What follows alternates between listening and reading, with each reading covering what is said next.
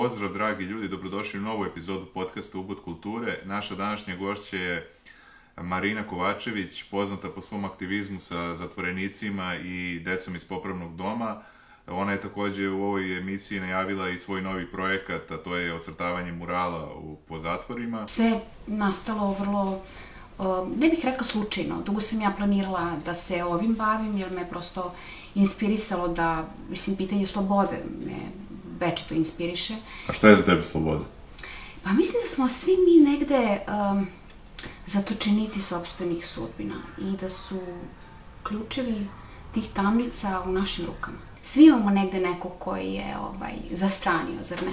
Dakle, prva predstava su bili upravo uh, osuđenici iz drugih zavoda, a kasnije je bilo veliko finale koje je Ministarstvo pravde, odnosno Uprava za izvršenje krivičnih sankcija dozvolila u Domu omladine, kada smo pred zajednicom izveli predstavu i mislim da je to bila prava stvar, jer su oni posle toga aplauza, kako, se, kako su neki rekli, prvi put sebe videli kao konstruktivne članove zajednice. Da li sam primetila transformaciju i napredak? Čak i na fizičkom ličnom planu. Znači, oni su čak i fizički bolje izgledali. Imali su želju da se sređuju, što u zatvoru u tim represivnim uslovima često i nemaju apsolutno nikakav motiv. Kako se zove taj dokumentarac? Galop? Galop slobode. Slobode, baš lepo. Reč je ovaj, o a, iscrtavanju murala u okružnom zatvoru u Beogradu. 670 kvadrata, kako izračuna jedan umetnik koji je arhitekta oslikavamo. A, radionice slikanja, odnosno vizualnog izražavanja su počele sa, sa osuđenicima još u aprilu, koji evo sad najavljam ekskluzivno, mada ne volim tu reč, ovaj, kod tebe u emisiji. A, radila sam u tome dokumentarac, dakle počela od radionica slikanja, gde su oni imali priliku da ako ne verbalizuju osjećanja, kao što sam do sada radila kroz kreativno pisanje i spremanje pozorišnih predstava, a ono abstraktno nacrtaju ono što bi volili da vide na tom zidu. Hteo bih da se zahvalim Mančmelovu na poslovnoj saradnji i hteo bih da se zahvalim ljudima koji me podržavaju preko Patreona i Paypala. Linkovi su u opisu. Uživajte.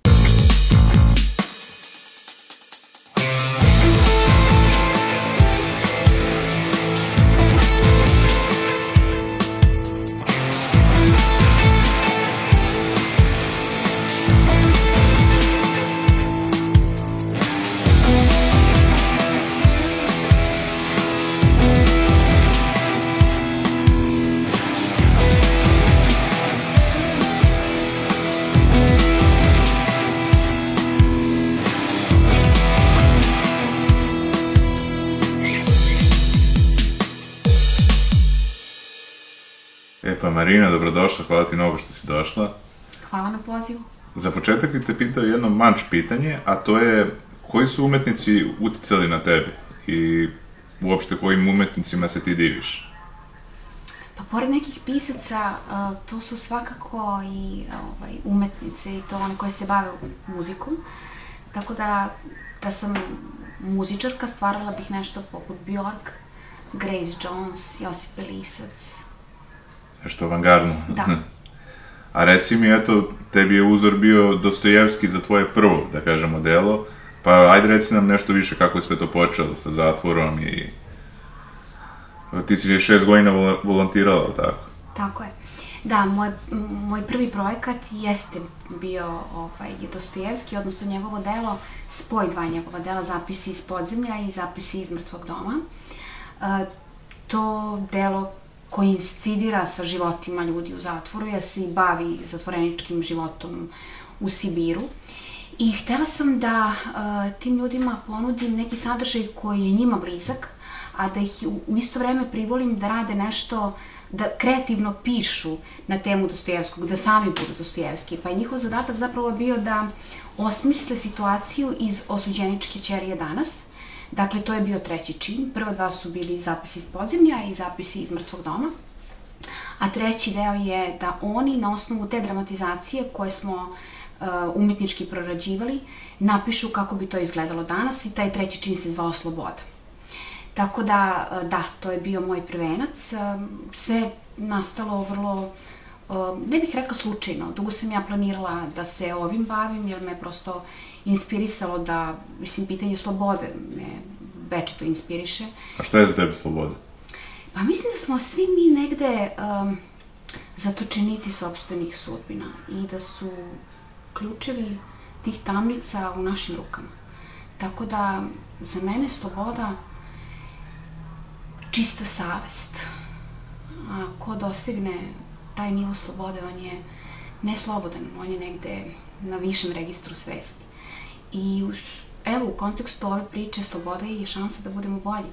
I to su ovi programi. Njima pružaju mogućnost da kroz umetničko izražavanje vide sebe na drugačiji način i da eliminišu stvari koje su destruktivne, a i osjećaj te deprivacije slobode, odnosno negiranja ličnosti je dominantan među zatvorskom populacijom, tako da je to ovo njima bila prilika da se istaknu, da sebe vide kroz neku drugu šansu, ulogu, da to predstave pred zajednicom, svaki projekat je komunicirao sa zajednicom u tom smislu što ja kažem hajde da vežbamo, hajde da se igramo Dostojevskog i vodim vas u dom omladine. I onda su oni u fazonu, ja, kao, čekaj, čekaj, mislim, nismo sigurni da mi to možemo, mi nismo profesionalni glumci, međutim, umetnost je polje iz raznih mogućnosti, potencijala u svima nama. Tako da su se oni, zaigra, zaigravši se Dostojevskog, sami stvarali, bivali Dostojevski i na kraju smo uh, tu priču, odnosno zapisi Ćelije broj 12, to je bila jedina slobodna ćelija u okružnom zatvoru u Beogradu i otuda to ime, izveli pred publikom i to je bila prava stvar, da oni koji su se ogrešili o zajednicu, sad toj zajednici daju neku vrednost u vidu izvođenja umetnosti i u tome jeste smisao socijalne reintegracije, odnosno resocijalizacije ljudi koji izdržavaju krivične sankcije. A da li si se plašila susreta sa tim najžešćim, da kažem, zatvorenicima? Da li si imala neki strah? Pa ne, oni su ljudi, kao i svi drugi. Svi imamo negde nekog koji je ovaj, zastranio, zar ne? Ako nije u zatvoru, ono znamo da da u životu pati iz određenih razloga i da ga društvo osporava upravo zbog toga. A mi često ne ulazići u uzroke problema nastavimo da te ljude koje, koji su iz najčešće disfunkcionalnih porodica pa dospeju u zatvore, da ih i mi onako iznegiramo kao ljude, a upravo je težište u ovim programima da mi im damo šansu da budu bolji. A bilo među tim ljudima prirodno nadarenih umetnika koji su ono imali u sebi već to? Sjajno pitanje. Da, tu je bio Uroš Milovanović, koji je već imao glumačko iskustvo, glumio je kod Kusturice u Zavetu. Um, on se prvi prijavio za projekat, zato što već, kažem, ovaj, ima neku vrstu backgrounda u tom smislu. I tu je bio uh, Đorđe Vasiljević, koji je rekao ja živim Dostojevskog, ja sam pročitao, pošto smo krenuli sa radionicima u biblioteci, pa smo završili uh, ovaj, u jedinoj slobodnoj ćeli na bloku 5, u toj ćeli broj 12. I um, Uroš Milovanović je, kažem, imao glumačko iskustvo, a Đorđe Vasiljević je samo iskočio sa svojim, ovaj, um, sa svojim potencijalima i zapravo pokazao da ušte nije neophodno da ima iskustvo, da je talenat nekako, da je nebrušeni dijamant u tom okruženju i dosta je pisao i drugima je pomagao. Zapravo jeste bila ideja timski rad. Mislim, i animoziteti koji su postojali kao i svuda, su nestajali na tim radionicama on prosto, kad se čovek zaigra i u tim okolnostima izgubi pojam, kako kaže jedan ovaj, učesnik naših radionica, Alan Ford, radila sam i dramatizaciju tog stripa, zaboravim da sam u zatvoru, kao da sam na slobodi. Tako da na mnogo nivoja ima smisla.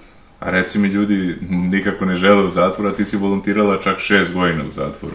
Pa kako je bilo tih šest godina volontirati, ono, mislim, da li ti je bilo naporno, da li neprijatno ili... Ili si se odmah pronašla u toj priči? Mm, ja sam ovaj, profesorka književnosti koja je radila dva, dva posla. Mm -hmm. ovaj, I služba za tretman u svakom zavodu mi uvek pomogne u odabiru. I za Đorđe su mi rekli, pa on je malo ovaj, specifičan, u smislu duga je kazna, recidivirao je, odnosno nekoliko puta se vratio u zatvor i tako dalje. budi obazriva, ali ja prosto kad sam videla kako čovjek piše nisam mogla da se ogrešim u njegov talent, tako da je našao svoju ovaj, punu afirmaciju u projektu. I onda kada su pitali šta radi Đorđe, pošto Đorđe ovaj, često nije znao da Mislim, on je jedan specifičan tip, objavio je knjigu nedavno, ovaj, na slobodi je više od tri godine i dobro mu ide, jako sam ponosna. Izašao je baš posle zapisa Ćelije broj 12. Um, on je jedan potpuno neverovatan čovek koji je, kažem, njegov talent je samo dobio a, svoju punu primenu i shvatio je da nije samo osuđen i, kako on kaže, statistička zatvorska greška, a, nego da je čovek koji može da radi neku dobru stvar i da za to bude nagrađen. Mi smo tu predstavu izveli 17 puta u svim velikim kazneno-popravnim zavodima. Dakle, prva predstava su bili upravo uh, osuđenici iz drugih zavoda, a kasnije je bilo veliko finale koje je Ministarstvo pravde, odnosno uprava za izvršenje krivičnih sankcija dozvolila u Domu omladine, kada smo pred zajednicom izveli predstavu i mislim da je to bila prava stvar, jer su oni posle tog aplauza, kako, se, kako su neki rekli, prvi put sebe videli kao konstruktivne članove zajednice, a ne kao ljude koji su bili u zatvoru i kao takvi često imaju razne, razne neprihvatanja od strane društva. Da li si bila tu neke metamorfoze, da se menjaju ljudi, ono, da ih oplemenjuje ta umetnost i to? Pa da, oni su na početku, uh, kada sam rekla ja ću da vas izvodim u dom omladine i ovo ćemo da, rekao si, kao evo, kao, kako mali perica vidi zatvor, kao toga nema ništa. Mislim, bilo je tu raznih, rekla bih, predrasuda sa njihove strane, a sa moje jedne krajnje razigranosti. Ajde da se igramo, pa šta bude ja bih volela da vas vodim, ako budemo ovo smislili kako treba, toga će i biti. Tako da, svedočila sam njihovim ličnim transformacijama. Kada sam radila u ženskom zatvoru, predstavu Njena priča, koja je nastala prvo od kreativnog pisanja, integralni je bio projekat, kreativno pisanje, a, nisam želela da to budu njihove priče, a bila je upravo, svaka od njih imala potrebu da se kroz pisanje ispovedi i sebi i drugome uh, kaže šta je njen problem, odnosno zbog čega je tu, onda smo njih 12, um, od, od njih 12, odnosno 12 je učestvovalo u projektu, te priče posložili tako da smo napravili njenu priču koja se bavi nasiljem u porodici, pr problemima nasilja u porodici i kako ne počiniti to krivično delo. I ako me pitaš, uh, da li sam primetila transformaciju i napredak, čak i na fizičkom ličnom planu. Znači, one su čak i fizički bolje izgledali. Imali su želju da se sređuju, što u zatvoru, u tim represivnim uslovima često i nemaju apsolutno nikakav motiv. One su e, počeli da vežbaju. Vežbale su jogu, bavili su se vežbama tela. Dakle, na mnogo nivoja priča imala smisla. Strava, strava. A reci mi, ti si svoje iskustvo sticala i po inostranstvu, to jest bila si tri godine u Americi, bila si u čuvenom zatvoru St. Quentin gde je ovaj, nastupao Johnny Cash svoje vremeno. Yes. Kako su to bilo iskustva? Pa zanimljivo, zato što sam ovaj, eto to volontiranje od um, šest godina je urodilo plodom, zato što smo moj kum Igor Čoko i ja, a, taj prvi projekat zapisi iz Ćelije broj 12, dramatizaciju Dostojevskog sa kažnjenicima u okružnom zatvoru, snimili ovaj, amaterskim kamerama, njegovim kanonom i mojim telefonom u to, to vreme. Prosto, prosto je bilo šteta ne zabeležiti tu transformaciju kroz koji osuđenici uh, u tim represivnim okolnostima prolaze i postaju glumci, odnosno oni koji izvode to pred zajednicu i za to bivaju nagrađeni. Dakle, trad i, rud, trud i rad se, se isplatio. Tu priču smo a, naprav, tu spakovali u film, isto tako ovaj, vrlo, vrlo amaterski. I ja sam to ponudila uh, Njujorškoj konferenciji, odnosno Njujorškom institutu za socijalnu terapiju i performativne umetnosti, gde je projekat izabran kao jedan od 16 među 300 svetskih ponuđenih. I dobili smo priliku da koleginica Dubroka Radusinović i ja idemo u, u Njujork. I onda se otvorila priča, tamo smo ovaj, bile tri godine, stipendiste na rezidenciju. I odlazile i vraćale se promovišući zapis iz Ćelije broj 12 u federalnim zatvorima u Kentucky, Michiganu i St. Quentinu, gde sam bila edukant njihovih uspešnih programa. Konkretno, jedan čovek koji se zove Kurt Totterfield je tip koji radi slične programe. On se bavi samo Šekspirom u zatvoru i radi Shakespeare Behind Bars. Pa smo iz, u, u toku tog iskustva bile participanti njegovog programa.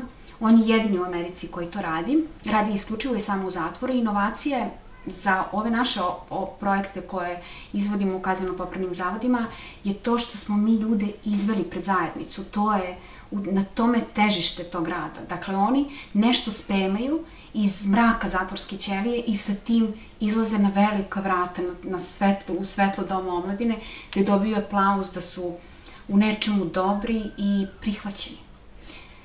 Tako da je uh, njima to bilo nevrovatno i onda su želeli da gledaju film i onda smo mi film promovisale u, kažem, Kentucky, Michiganu i St. Quentinu. U St. Quentinu je bilo potpuno nevrovatno iskustvo, oni tamo imaju latino plesove, ovaj, razne neke programe kao bogatije društvo, ali ne mogu da izvode to pred zajednicom. To je bilo nevrovatno, u jednom trenutku je bila mini pobuna, mislim, ne baš, ali kao jedan ovaj, afroamerikanac je rekao kad je gledao zapis iz Čeli broj 12 kao, come on, sam, neko iz Sibirije, čak nije rekao iz Srbije, izvodi kao, mi ne možemo ovde da, da izađemo van ovih zidina. Tako da, eto, interesantno je bilo i definitivno ovaj, Amerika možda jeste koleka demokratija, ali mi ovde ipak doslednije, možda čak i ljudskije poštujemo ljudska prava. A reci mi, naredna dva projekta su bila, životinje su bile uključene u njih. Tako je. Pa mi reci nešto više o tome. Dakle, prvo je rad sa psima, pa onda sa konjima. Jeste. U kazneno popravnom zavodu Sremska Mitrovica ovaj, je prisutan jedan od tri svetski najbolja programa reintegracije osuđenih lica kroz odnos sa psima. Jer je poznato da, da psi razvijaju empatiju, sa osjećanje, čak i sa psihopatskim strukturama, kako kažu neke studije. I uh, taj uh, program je uz pomoć misije OEPS u Srbiji i nemačke organizacije HELP jednog fantastičnog čoveka, Aleksandra Alimpića, koji je imao upravnika tog zatvora, koji je imao apsolutno želju da se, uh, za, da se azil za pse iz grada Sremska Mitrovica prebaci u zatvor i da osuđenici uče programe dresure pasa i postaju obučni dreseri pasa i apsolutno nigde ne piše da su tu, um, tu, ovaj, um, tu diplomu dobili u zatvoru. Dakle, mogu sa tim da rade u azilima, da imaju svoje pansione za pse i tako dalje. A što je najvažnije, da se a, emotivno poistovete sa čovekom ili jedni i drugi su negde doveženi sa ulice i stavljeni. Tako da je taj program bio izvanredan i dalje prisutan u Mitrovici. Jer su ti psi ostali sa... Jesu i č, najčešće su ih osuđenici udomljavali, odnosno oni su ih pripremali za udomljavanje, a, a projekat je počeo od kreativnog pisanja. Ja sam sa njima radila a, tu kao poetsku verbalizaciju osjećanja koje ostvaraju u, sud, u, u sudelu sa, u interakciji sa svojim psom. I nastale su fantastične priče i pratila sam tu njihovu vezu i načine na koje ih dresiraju, pa je projekat utoliko bio dobar, neki kada su odlazili iz zatvora su vodili sa sobom te pse, toliko je bila jaka emotivna veza da, da je projekat mnogo nivoa potpuno fantastičan I mi smo, kažem, treći zatvor u Evropi koji to radi. To je naj, najbolji program, penološki program u Americi. A pored Španije i Irske, evo, mi smo, Kazano popravni zavod u Mitrovici je treći zatvor koji ima ovaj, program rehabilitacije osuđenih lica kroz odnos sa psima. A onda sledeći projekat je bio u, u odnos sa konjima, tako? Jeste, tako je, isto u Mitrovici. Uh, oni uče isto tako, ovaj, uh, mislim, nisam ni znala da je taj zanat potkivanja konja jako, jako su plaćen, posebno u inostranstvu, tako da su u tom smislu uh, oni učili rad sa konjima i potkivanje konja, nadam se da sam se pravilno izrazila, uh, tako da mnogi od njih po isteku kazne sigurno neće imati problem da nađu posao. Kako se zove taj dokumentarac? Galop? Galop slobode. Slobode, baš lepo. A reci mi tu kad si bila u Americi, kakve su bile fizionomije tih zatvorenika, da li su drugačije, mislim, verovatno su bile različitih i, da kažemo, različite rase, različiti, ono, ono, kultura, da li si videla ono tu, kao u filmovima, mislim, tako neke face i to? baš kao u filmovima. Zapravo ja mislim posle ovog američkog iskustva da američki reditelji uopšte nisu kreativni. Oni samo slikaju stvarnost, onako kako ona jeste, oni to tako prikazuju. Mm, tako da, da, najčešće, mislim, zatvor je ovaj, poprište raznih sudbina. Rekla bih pre sudbina nego struktura ličnosti, jer mislim da sudbina u mnogome determiniše i strukturu ličnosti. To su ljudi najčešće koji su odrasli u disfunkcionalnim porodicama, a nakon toga birali loša društva, a često te dve kombinacije već ustove osobu da nema šansi. Tako da ono što su nas učili da svi imamo jednake šanse ni u Americi koja je prepuna avaj šansi, ili tu sam vrlo kritična. Ili baš nije tako. Ili baš i nije tako, posebno ne sa, ne. sa ovaj, zatvorskom populacijom. Najčešće su afroamerikanci, ima a, a Meksikanaca, belih je do duše manje. U Kentakiju recimo bio ovaj, a, meni šok u tom smislu što naj, najviše je bilo belih, 75%. Mislim, bele rase, ne. ove belih a, osuđenih lica. A, oni imaju, recimo, nemaju pravo glasa ovaj, po isteku kazne, m, nemaju pravo na bračne posete, redko koji osuđenik, A, recimo, dvostruko ubistvo policajca je jednako ona najviša ovaj, robija. Pa sam upoznala baš u San Quentinu osuđenika koji vodi program koji je od 78. godine u zatvoru. To mu je bilo prvo krivično delo. Sa prijateljem je ovaj, pokušao pljačku banke. Um, nije uspeo i u strahu, odnosno samoodbrani je ubio mm, dvojicu policajaca i ceo život će provesti tu, ali toliko je napredovao da je facilitator, odnosno na neki način uh, vaspitač drugima, mlađima koji dolaze. Da. da. Ovaj, um, on je bio oduševljen zaprsima, poželao da se nešto tako radi i kod njih, u smislu da se izvode pred zajednicu, jer on kaže mi imamo potrebu da pokažemo da smo da, smo odslužili tu kaznu, da smo odužili dug, da sad možemo nešto da damo zajednici o kojoj smo, o kojoj smo se ogrešili i napravili krivično delo. Tako da, američko iskustvo i populacija tamo je zanimljiva zato što a, e, zaista ima ovaj, svega onoga što gledamo u američkim filmovima, ali kažem, to su sve ljudi i oni, kao i svi mi, zaslužuju drugu šansu i upravo ovi programi postoje kako bi im pružili mogućnost da sebe vide na jedan drugi način, a samim tim i da promene identitet, odnosno možda ne identitet koliko stanje uma, svesti, da prošire svoje vidike i da shvate da to nije jedina stvarnost u kojoj su. Pa prva HBO jaka serija je bila Oz, to je o zatvorenicima i to me isto zanimalo, pošto mi je bila nerealna serija u smislu da ima previše ubistva. Da li je to tako stvarno u zatvoru? Da li se međusobno zatvorenici ubijaju često ili je to samo fikcija u seriji? Pa bezbedonosne službe tu vrlo dobro rade svoj posao, posebno u Americi. U tom smislu oni imaju vrlo, vrlo strogu hjerarhiju kazni, ali isto tako, mislim, bezbednost je apsolutno na maksimalnom nivou. Chicago je recimo grad sa najviše ubistava. Ja sam se iznenadila baš kad sam bila tamo. Tu najviše Srba. da, u Milwaukee. Ovaj, interesantno mi je bilo da, ovaj, da, da to tako nešto čujem. I da, to je jedini grad u Americi, bila sam ovaj, promovišući naravno zapis iz Šerija broj 12 u Njujorku, u Vašingtonu, u San Quentinu, Kentuckyu, Michiganu, San Diego, Chicago, gde sam se osetila, mislim, Amerika je slobodna zemlja i u tom smislu je nekako um, čovek može da šeta ulicom bez da ima utisak da će nešto da mu se dogodi, međutim, Chicago je definitivno je grad koji ima najviši, najveći stepen kriminaliteta. Ja sam čuo da je to Baltimore, pošto je ona serija I Žice... I Baltimore, ali i Chicago. Da, da, da.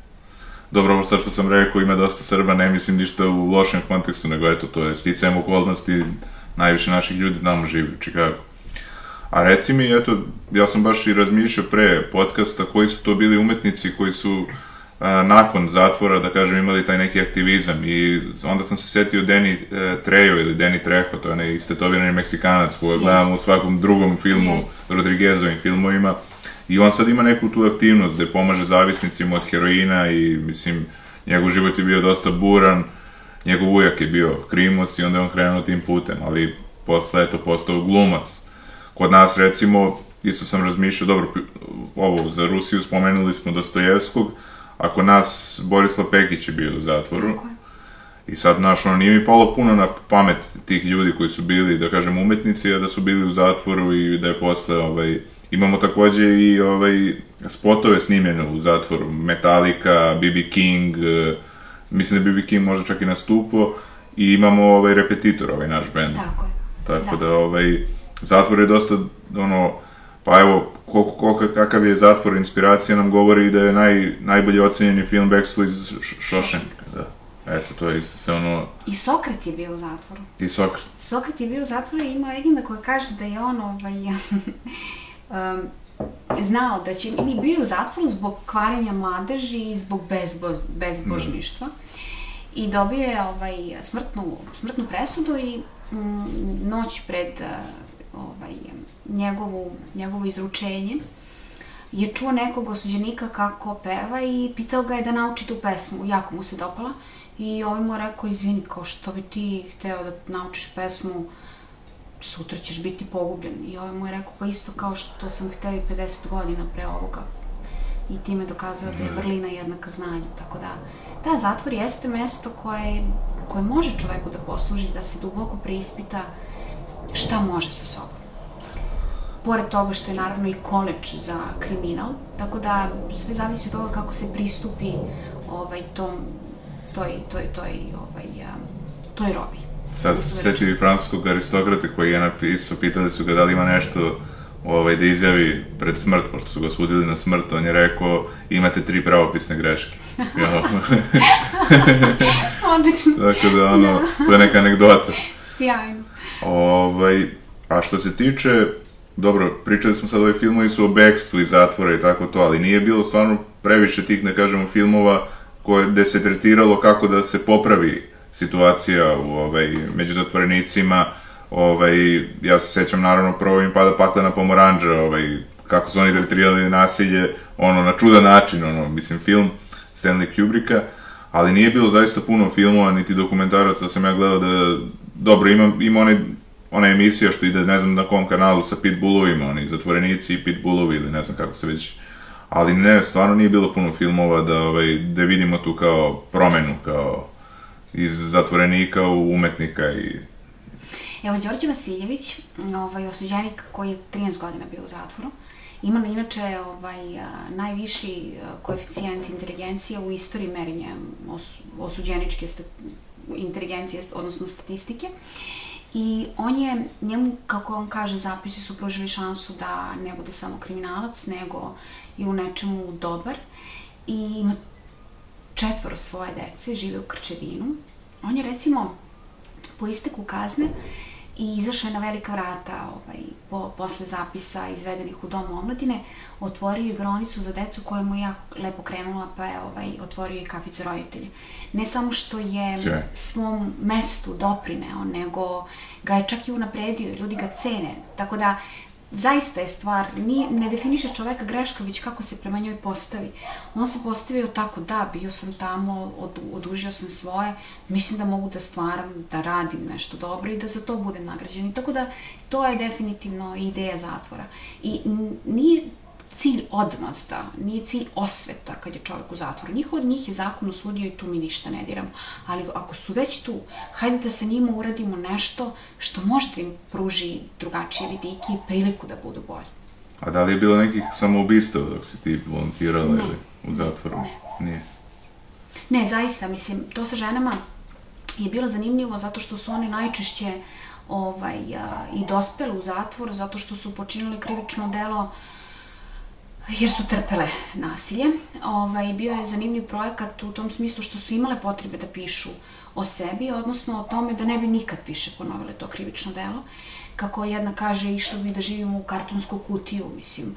Ali počinile su krivično delo, često su dolazili iz um, ekonomski nerazvijenih područja.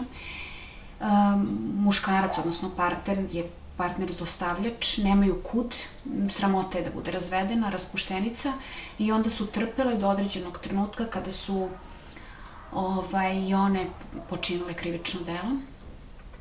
A, I to je često bilo ili on ili deca i ja. Tako da imali su potrebu da pišu o tom krivičnom delu, ta predstava se zvala njena priča, izvedena je. A, to je jedno bilo potpuno za njih katarzično iskustvo. Mislim, ovo jeste na neki način, svi ovi programi jesu katarza, kažem, komuniciraju sa krivičnim delom, imaju priliku da promene vidik, odnosno identitet i da sebe vide na drugačiji način i da se otklone od onoga što su počinili i da u toj umetnosti promene stvari i time pomognu onom koji to gleda da ne počini ono zbog čega su oni dospeli u tu poziciju. Tako da je to sa ženama bilo utoliko interes, interesantnije, jer su one imale priliku da svakoj ženi koja trpi nasilje, a koja potencijalno može da vidi tu predstavu, pošalju poruku, uzmi čedok svoje, idi živi u kartonsku kutiju, obrati se centru za socijalni rad, preživećeš, samo nemoj da ga ubiješ. I to je, ovaj, ja, mislim, jedan stvarno izvanredan projekat koji je krenuo od kreativnog pisanja, gde ja nisam imala pretenzije da to bude sad pis, pišemo o sebi.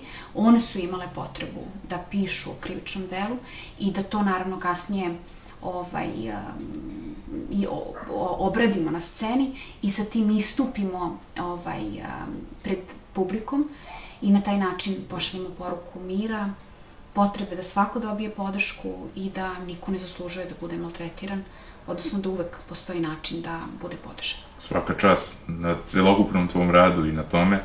A bila je po popularna, čini mi se, serija skoro, Orange is New Black.